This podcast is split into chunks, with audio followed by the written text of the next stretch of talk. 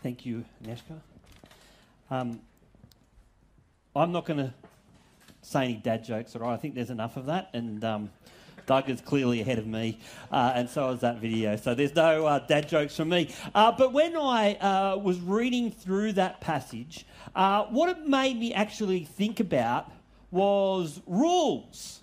And when I thought about rules, I thought about what sort of parent am I when it comes to the rules. And you're not allowed to talk to Rachel after the service about that, okay? Uh, but I guess the question is what type of parent are you when it comes to the rules? Are you a stickler for the rules? Do the rules have to be followed strictly? Do you demand a, a certain uh, level of behaviour with your children? What sort of person are you with the rules? Or are you a little bit relaxed? Are you almost so relaxed that actually, look, you don't really have any rules? And maybe if there are rules, maybe your spouse has made those rules up and you don't really follow them. How are you when it comes to rules?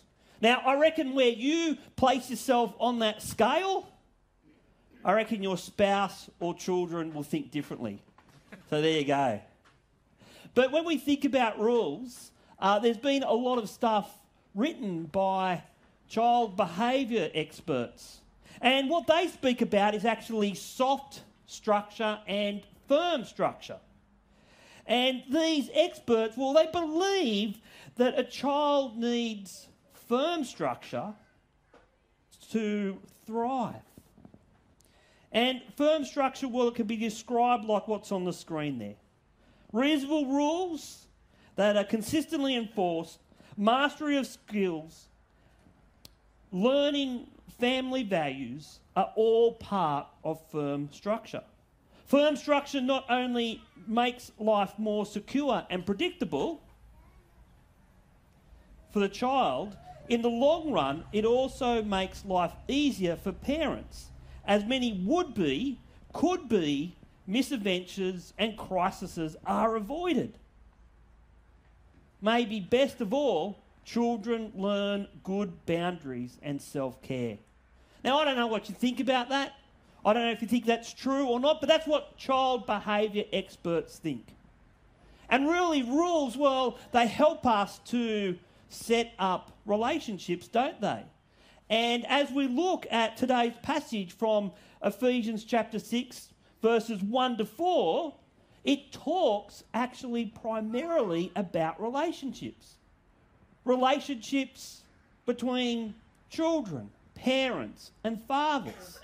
It's not so much about rules that you have to obey, it's about a new way to live. They're life principles that help you in your relationships. Now, before we look more at this short passage, it's good to actually understand the context of this passage. Where does this fit in the book of Ephesians? Well, if you don't know, Ephesians has six chapters, so we're right at the end of the book. And there has been lots and lots of great stuff in the book of Ephesians up until this point. Basically, from chapter 4 and 5 and 6, it actually talks about how we live. How we live under God. Not as a bunch of rules, but again as a relationship. But that's all well and good because to get to this point in Ephesians, it's actually we need to look at Ephesians 1 to 3 because this actually describes to us who God is and how he relates to us. And then the remainder of the book tells us, knowing all that, well, this is how we can relate to others. Now, basically, if you want to know a summary of Ephesians, well, it's got to do with how God has saved us. See, friends, we are saved by grace through trusting in Jesus. That's the primary relationship that actually the start of Ephesians talks about. And knowing that we are saved by grace, which actually is a free gift that's given to God, well, it actually allows us to live differently. It allows us to live differently in relationship. And that's the context of our passage today. So, how can these four verses encourage us on Father's Day? Well, I actually think these four verses lead to three questions, which are up on the screen. What are children to do for their parents? Question one. What are fathers to do for their children? Question two. And what's the most important thing this Father's Day? Question three. So, what are children to do for their parents? Well, it's simple, right? It's written there in verse 1. Children, obey your parents. Is that all it is? No, because just read a little bit further on, and what's the next few words? Well, it says, In the Lord, for this is right. In the Lord, for this is right. And when we think about children in this passage, we can't simply think of a sort of age limit. No, again, it's not just for the preschoolers uh, who have gone to explorers, and if you're a parent of a preschooler, you're going to have to tell them when they get home they need to obey you. No, that's not how it works. See, again, it's more talking about the relationship. So no matter how young or old you are, well, you need to obey your parents. And that's going to look very, very different as you grow, right? Very different. See, it will depend on your life stage how that actually looks. But the important thing is you always keep on honouring your parents. Now, it changes over time. When I was a toddler, when I was in primary school, when I was in high school, I obviously obeyed my parents differently. My father passed away many years ago, so now it's just my mum. But if my mum was to be like she was to me when I was in high school, that would be absolutely weird. And if I was to obey her like I did back then, that would be weird as well. It'd be weird for me, it'd be weird for her, it'd be weird for Rachel, it'd be weird for my, my boys. But then if my mum says, well, come over for Christmas Day lunch, and we want the whole family to come over, well, I'm going to obey her, aren't I? I'm going to honour her in that. So, yes, what we do changes over time, but the principle doesn't. And we're probably all children in this room, so we still need to obey our parents. But there's more to verse 1, isn't there, than just speaking about children? Because this verse is actually written to people who trust in Jesus. Children are to obey their parents in the Lord. In the Lord, because God wants us to act certain ways in our relationships with others. And child parent relationships will actually look differently if both the children and the parents, well, if they trust in Jesus, compared to just the parent or a child trusting in Him.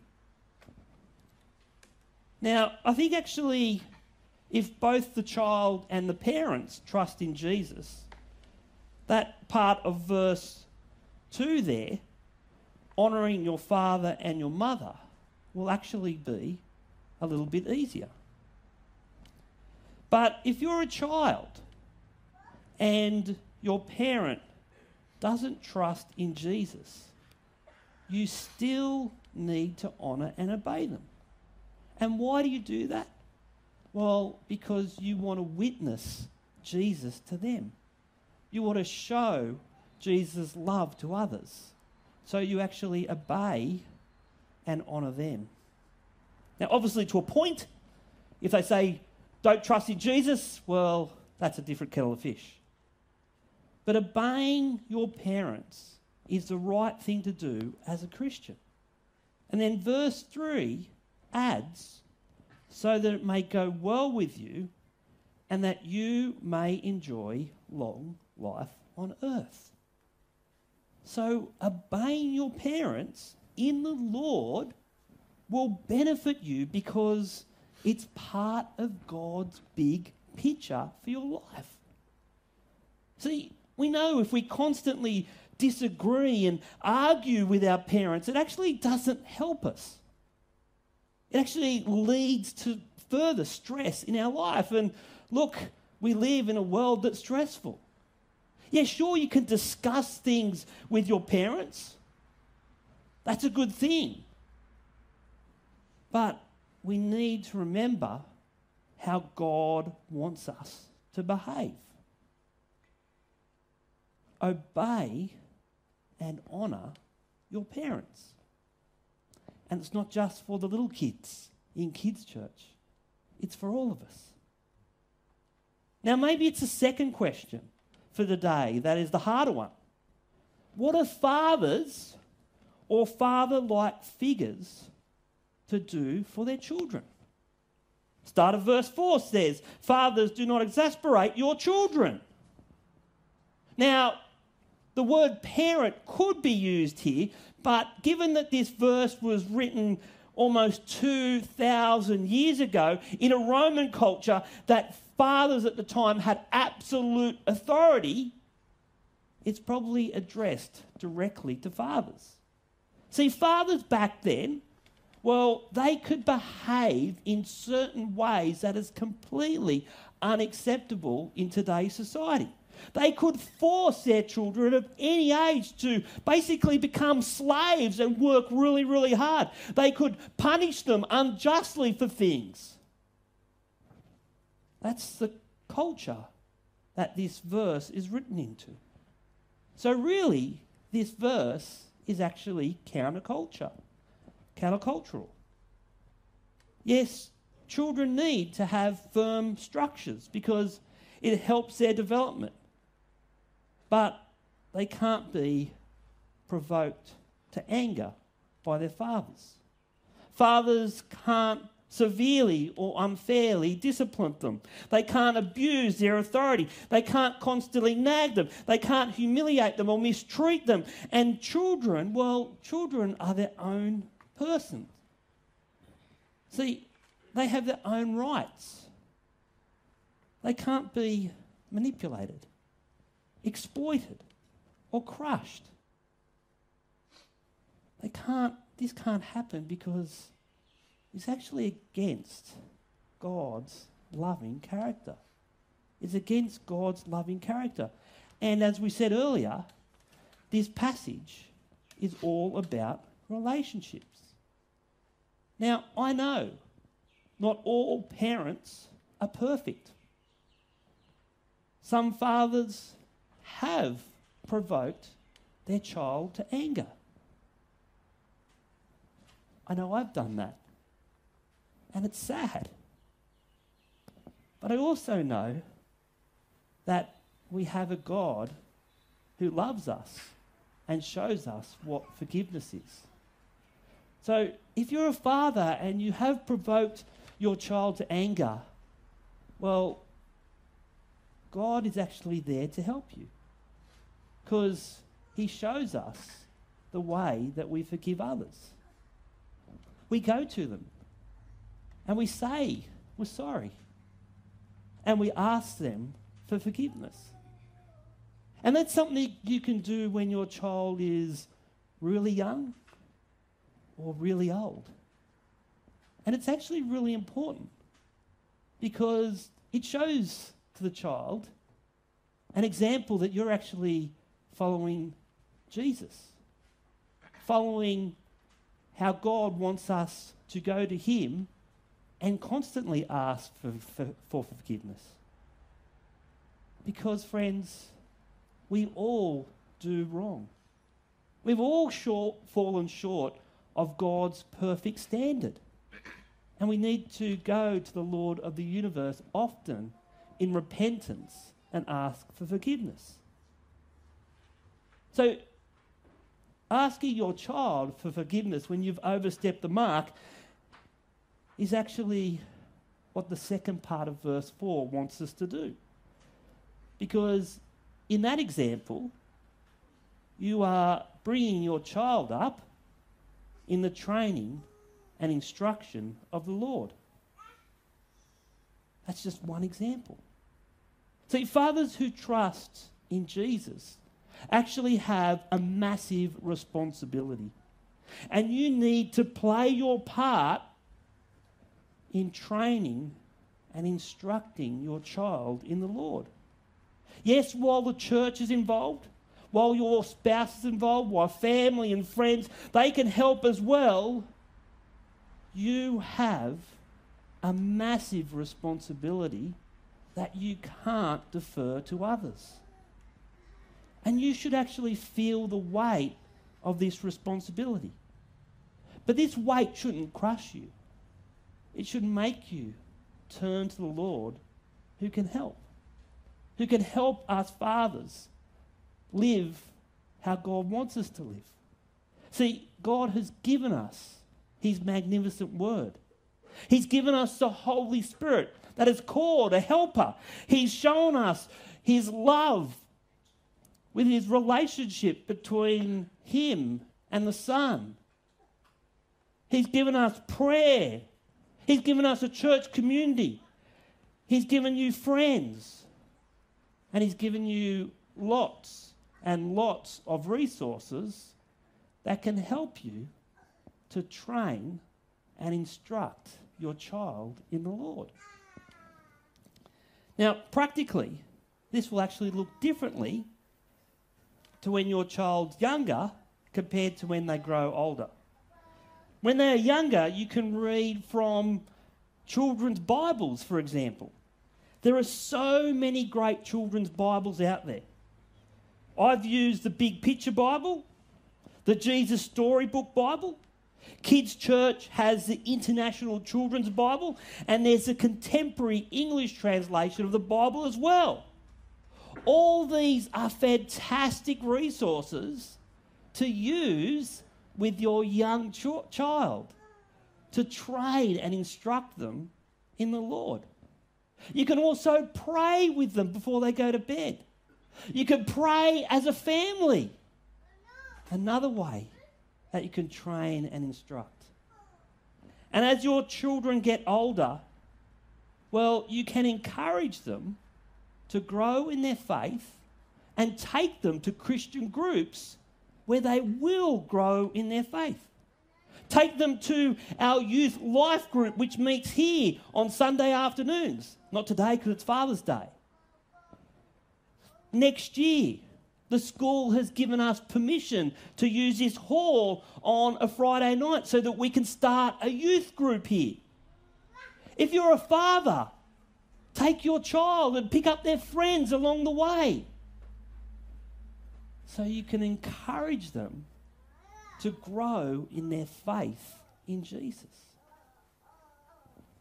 Friends, we need to train and instruct our children in the Lord. And that is part of a father's big responsibility. To finish today, what's the most important thing this Father's Day? Well, dads and fathers, like figures, well, we need to be involved in our children's lives. And we also need to recognize that actually men do things differently to women when it comes to raising children. And that is actually okay. That is how God has created it. It's a good thing. See, study after study has shown that fathers are just as essential to the healthy upbringing of children as mothers are. Fatherhood turns out to be a complex and unique phenomenon with huge consequences for the emotional and intellectual growth of a child. one study concluded. See, if you're a dad or a dad substitute, you need to understand your unique position and privilege. You need to be there for your children. Your children need you. They need to know your love and care. That was wonderful, wasn't it? The last part of that video. I hadn't seen it before. I didn't know where it was going, but just to see those loving memories or uh, those loving words, it actually sort of brought a tear to my eye. Maybe I was too engrossed in the video and see those other blokes cry. But fathers, isn't it so important just to say to your children that you love them? It's really, really simple, but it means so much. It means so much. And friends, if you look at God's word, well, Jesus says so often, God the Father says so often that He loves us. He loves us so much. And friends, we are meant to do things, as this passage has suggested, in the Lord or of the Lord. We are meant to follow his example. Now, maybe you're a person in the room today who doesn't have a relationship with Jesus. And you're thinking, oh, there's all this Christian stuff. What are they actually talking about? Well, can I just encourage you to take time to think about Jesus some more? Can I actually encourage you to do something which may be unnatural for you? Can I encourage you to actually look at another part of the book of Ephesians? And that's Ephesians chapter 2. Because that short passage actually tells us what God has done to us through Jesus. That He saved us. It won't take you very long. Go home maybe this afternoon or tonight just take a look at Ephesians chapter 2. And if you've got questions, well, email me. I'd love to have more of a, a discussion about it. But if you're a father who trusts in Jesus, that is absolutely fantastic. And you know that God shares a perfect relationship in Himself. You know that the Father, the Son, and the Holy Spirit are a perfect, loving union and a wonderful example of relationship. Please encourage your children in the Lord. Please encourage your children to trust in Jesus as their King and Saviour. Please encourage them to grow to be more like Him. Friends, God is here for all of us. God is with us. God is here to help us, to help us to be parents. No matter if you're a father, father like figure, grandfather, mother, God is here for us today. Let me pray. Father God, we just want to thank you so much for who you are. We thank you that you show your love to us in your Son, Jesus. And we thank you so much that through him you give us an example of perfect relationships. Father, just help us today to have wonderful relationships with our children. Relationships that are firmly established in you. Relationships where we train and instruct our wonderful children in your wonderful Son, Jesus. Father God, help us as children to honour and obey our parents. Father God, we thank you that you are with us by your Holy Spirit. We thank you for Jesus who died on the cross and rose again. And we just thank you in his name we pray. Amen.